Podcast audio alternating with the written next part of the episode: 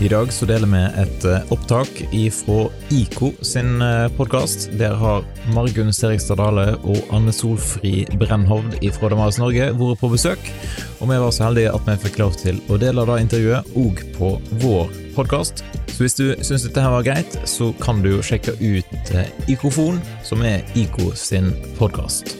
Tema for episoden er Fokus film, som er boka som Margunn og Anne Solfrid ga ut for en tid tilbake.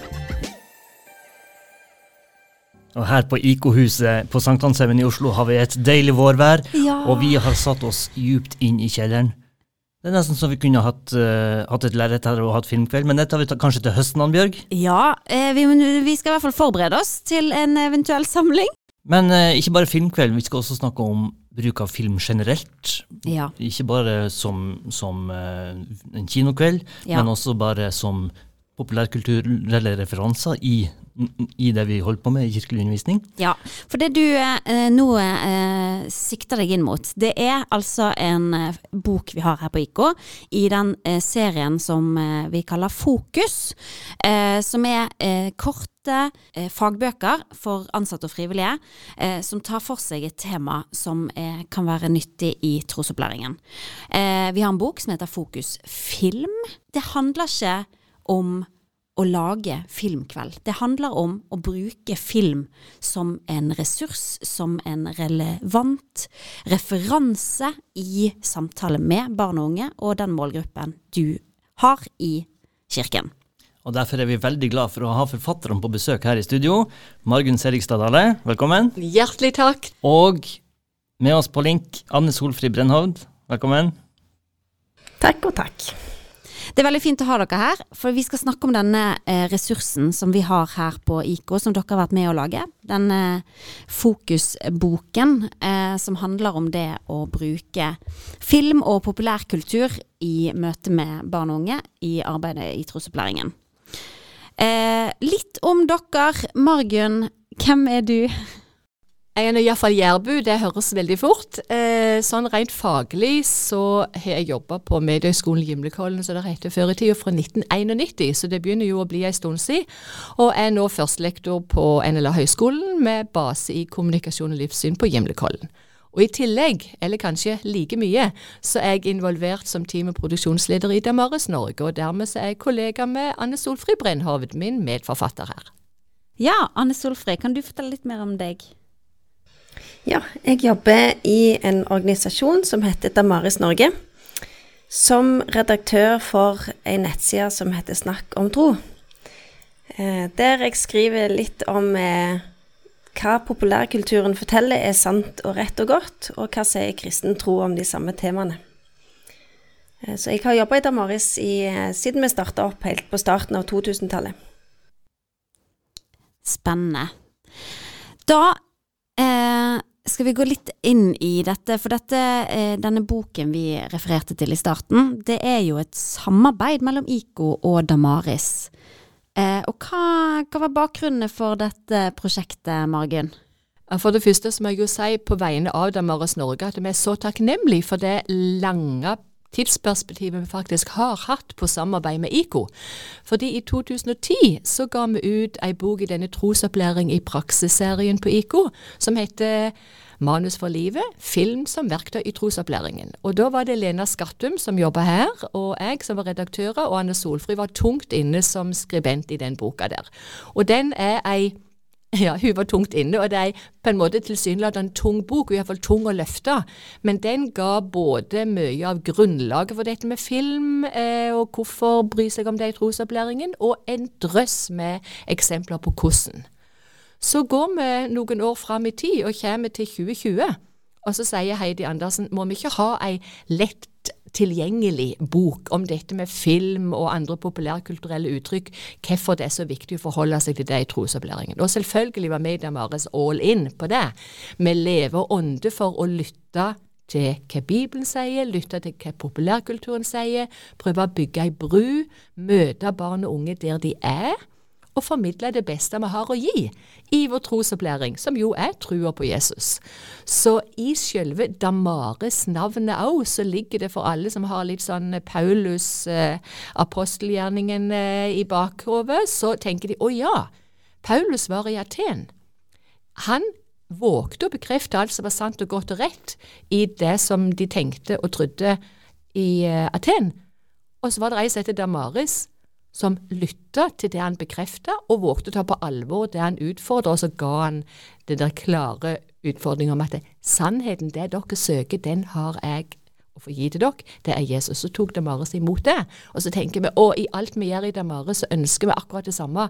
Vi ønsker å bekrefte alt som er sant og godt og rett i populærkulturen, og så vil vi gi det beste vi har, nemlig trua på Jesus. Så det er grunnlagstenkningen, egentlig, tror jeg, til hvorfor IKO og Damaris drar så godt sammen i dette her. Vi ønsker å møte barn og unge der de er, og de er i en medieverden. Vi ønsker å bekrefte alt som er sant og godt der, og hjelpe dem i deres livstolkning, fordi mediefortellingene er så viktige i livstolkningen deres. En enormt viktig kilde som vi veldig fort glemmer. Og For det tredje så ønsker vi jo da å bruke film som et eksempel på alt det av fortellinger som svirrer rundt. Så ingen må tenke 'Å ja, boka, film som ressurs i menigheten'. 'Å ja, filmkvelder, det har vi aldri tid til. Vi legger vekk den boka'. Nei, grip fatt i henne. Hun er ikke tung å ta i, hun er veldig lett å lese i, og gir et drøss med eksempler på hvordan forholde seg til de fortellingene som svirrer rundt, enten de er film, små TikTok-snutter, serier, dataspill, whatever. Tenkningen er bygg ei bru, møt de unge der de er, formidle det som er sant og godt og rett, og gi de hjelp til kristen trostolkning. Ja, for det handler vel om liksom det der å finne en felles referanse ja. til eh, budskapet og formidlingen. Det er akkurat det. Og det var det Paulus gjorde i Aten. Mm. Han bygde ei bru og, og, skapte et fellesskap der. Eh, og det er det vi ønsker i vår tid. Og hvis vi ikke tar medievirkeligheten på alvor, så er vi jo på en egen planet, og det er vi slettest ikke. Nei, nettopp. Eh, du, eh, du beveger oss inn i rett og slett rett inn i det praktiske. Hvordan gjør vi dette på en god måte, og hvordan kan vi bruke disse verktøyene litt mer konkret? Eh, Anne Solfrid, kan du eh, fortelle litt mer om det? Ja, eh, man kan gjerne få litt sånn pusteproblemer og tenke åh, vi er jo ikke en menighet som har for vane å sette opp filmkvelder. Eh, I ja, det, det, vi kan strekke oss til å sette på en eh, film for eh, for tweens når vi er på leir, eller i, i eh, av og til på søndagene når det ikke er nok voksendekning. Eh, det er ikke det som er målet vårt, at flest mulig menigheter skal vise mest mulig film. Men det er ikke bare å finne felles referansepunkter vi snakker om. Det, det handler om at disse her barn og unge som vi skal møte, de er allerede der. Eh, de, blir, de, de, står foran en talerstol som forteller de enormt mye om hva som er viktig i livet. Eh, og da tror jeg det er litt viktig at vi hører på akkurat de samme stemmene, og det kan vi gjøre på mange måter. Vi kan veldig gjerne sette på en filmkveld, fordi det gir de en del verktøy til hvordan de møter de andre filmene som de gjerne sitter og ser alene. Og Da tenker vi at det er litt viktig å gi dem ei ramme, introdusere litt av filmen og ha en god samtale etterpå. Og i boka er det ulike forslag til verktøy hvordan man kan ha en sånn samtale i etterkant. For jeg tror det hjelper de til å være mer bevisste på at film er mer enn bare underholdning. Den, den treffer rett i hjertet og rett i følelsene våre og, eh, og, gir oss enormt sterke minner. Men det går an å gjøre det mye enklere enn det. Det å bruke en andakt der du refererer til en film, av og til har jeg gjort det så enkelt at jeg bare har tatt et stillbilde eh, som, som enten ungene kjenner seg igjen i, eller som jeg kan fra en film de kjenner, eller som vi kan eh, reflektere litt rundt og gi dem ei ramme rundt. Eh, det kan være at du viser en scene, eller at du gjenforteller en scene. Det går helt fint. Jeg har brukt den filmen som heter Soul ganske mye, og brukt mange scener for den og snakket om himmelen, snakket om hva som er meninga med livet, hva som er din identitet. Eh, og eh, av og til kan du bare referere til en av personene og gjenfortelle en en eh, historie eller en, en, Fortelle om en karakter som har eh, utvikla seg, eller som har opplevd noe i en film. Eh, det kan være at du gjengir en, eh, en tale, noe som blir sagt, bare en setning. Eh, og, og har en samtale om det, gjerne i ei smågruppe eller i undervisningen din. Og allerede der så har du bygd brua. Nå, Anne Sofri, nå minner du meg om eh, en skolegudstjeneste jeg holdt der jeg, eh, før jul. Der eh, Jesus dukka lå i krybba, og eh, starten av eh, prekenen var at jeg tok og løfta den dukka opp høyt over hodet og satte i gang. Og snakka om Løvenes konge og kongemotivet fra Løvenes konge-filmen og kongemotivet fra, eh, ja, fra hvordan Jesus blir tolka i, i, i kristen tro. Eh, og flere måneder etter det, når jeg har gått forbi denne skolen på vei til, til kirka, så roper ungen etter meg Ah, det er fantastisk! ja. Et ypperlig eksempel. Ja, men det skal av og til ikke mer, det skal av og til ikke mer til enn en sang, eh, Margunn? Nei, det er helt sikkert. Jeg tror jeg vet hva du sikter til. For jeg fortalte ja. deg en gang om en kjempeopplevelse jeg hadde i Nairobi, av alle plasser. Jeg var på vei ut fra liksom, sentrum inn i en slumavdeling i byen. Og så tenkte jeg at jeg skal treffe en gjeng tweens. Hvordan skal jeg bygge ei bru til deres virkelighet? Jeg, ei hvit, vel voksen dame fra Norge, og så inn i deres setting. Og på vei ut så ser jeg flotte plakater om frozen yoghurt med Anna og Elsa på. Så tenkte jeg ah, der har jeg det. Kommer jeg inn i klassen, og veldig nydelige ungdommer, vet du. ikke sant? Og så begynner jeg bare liksom å eh, knipse litt med fingrene og nynne på Let it go, og så refererer jeg til hva jeg hadde sett på vei ut, og så lurte jeg på hvem, var det? Å, det var jo Anna og Elsa jeg hadde sett. Og jeg knipsa tydeligere, nynde høyere, og så stemmer de i Let it go, let it go. De kunne hele teksten utenat. Og da måtte jeg kviske til en læreren unnskyld, har jeg litt tid her? Ja, så mye tid du vil, og det er farlig å si til meg. eh, men saken var at jeg bare kjente at vi var Jeg hadde virkelig fått bygd ei bru. Vi var i lag. Vi fikk snakka så mye om viktige, dype ting, og ta på alvor at 'more is said than what is spoken', som en David Porter har sagt så mange ganger. Det formidles mye mer enn det vi først legger merke til.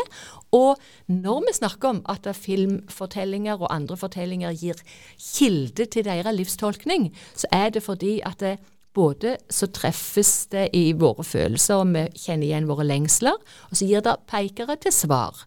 Og Disney gir mange pekere til svar. Og så tenker jeg hvis vi bare lar Let it go leve for seg sjøl, så gir det et annet svar enn filmen totalt gjør. Og så kan vi gå inn i begge deler, og så kan vi utfordre og bekrefte, og så kan vi si hva er egentlig, hva er din verdi egentlig, og hva er friheten for deg egentlig, og hva er det gode livet egentlig? Og da er vi plutselig der vi ønsker å være i trosopplæringen, enten vi er i slummen i Nairobi eller i kirka på Bekkelaget. Mm.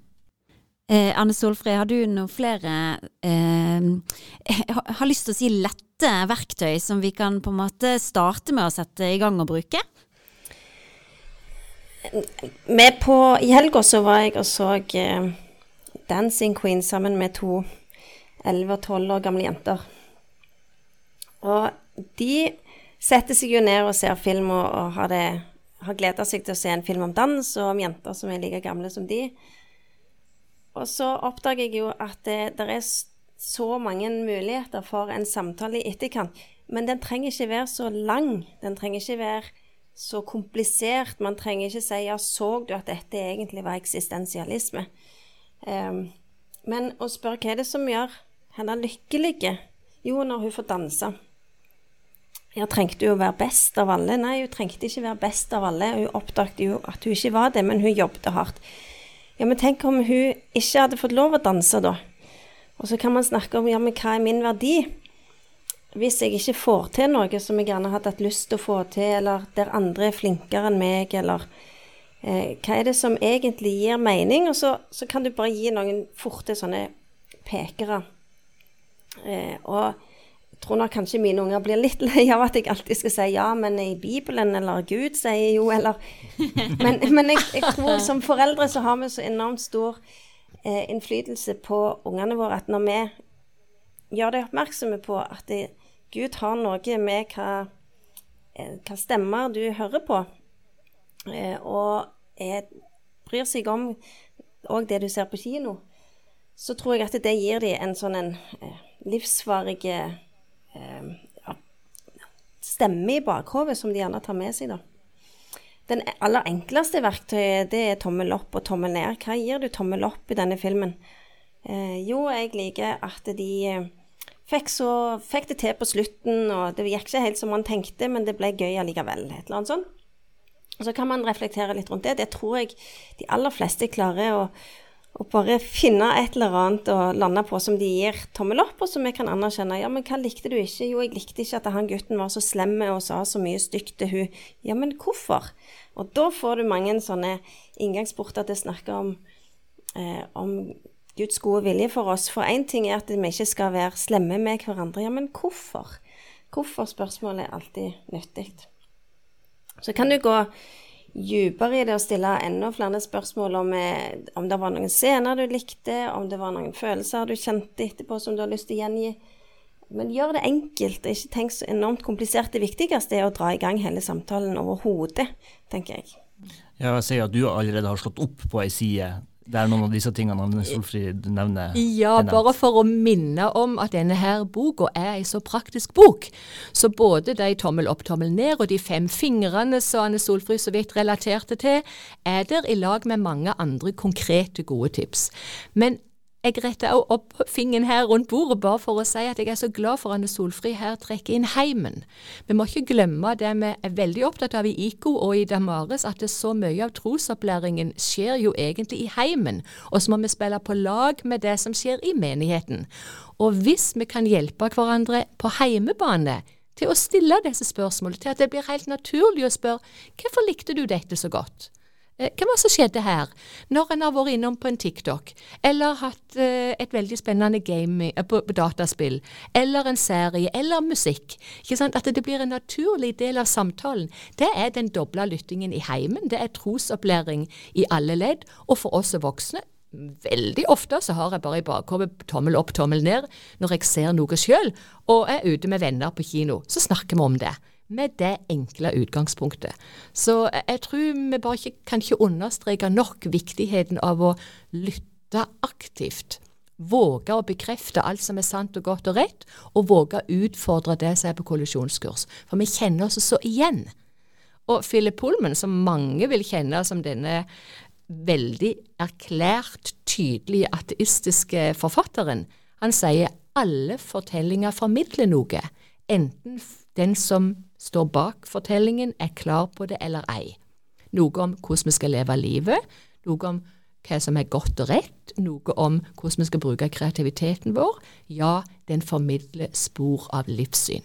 Og det tenker jeg vi må ta på alvor. I skolen er det veldig mye nå med kritisk tenkning, nettvett som innbefatter den kritiske tenkningen, den digitale kompetansen.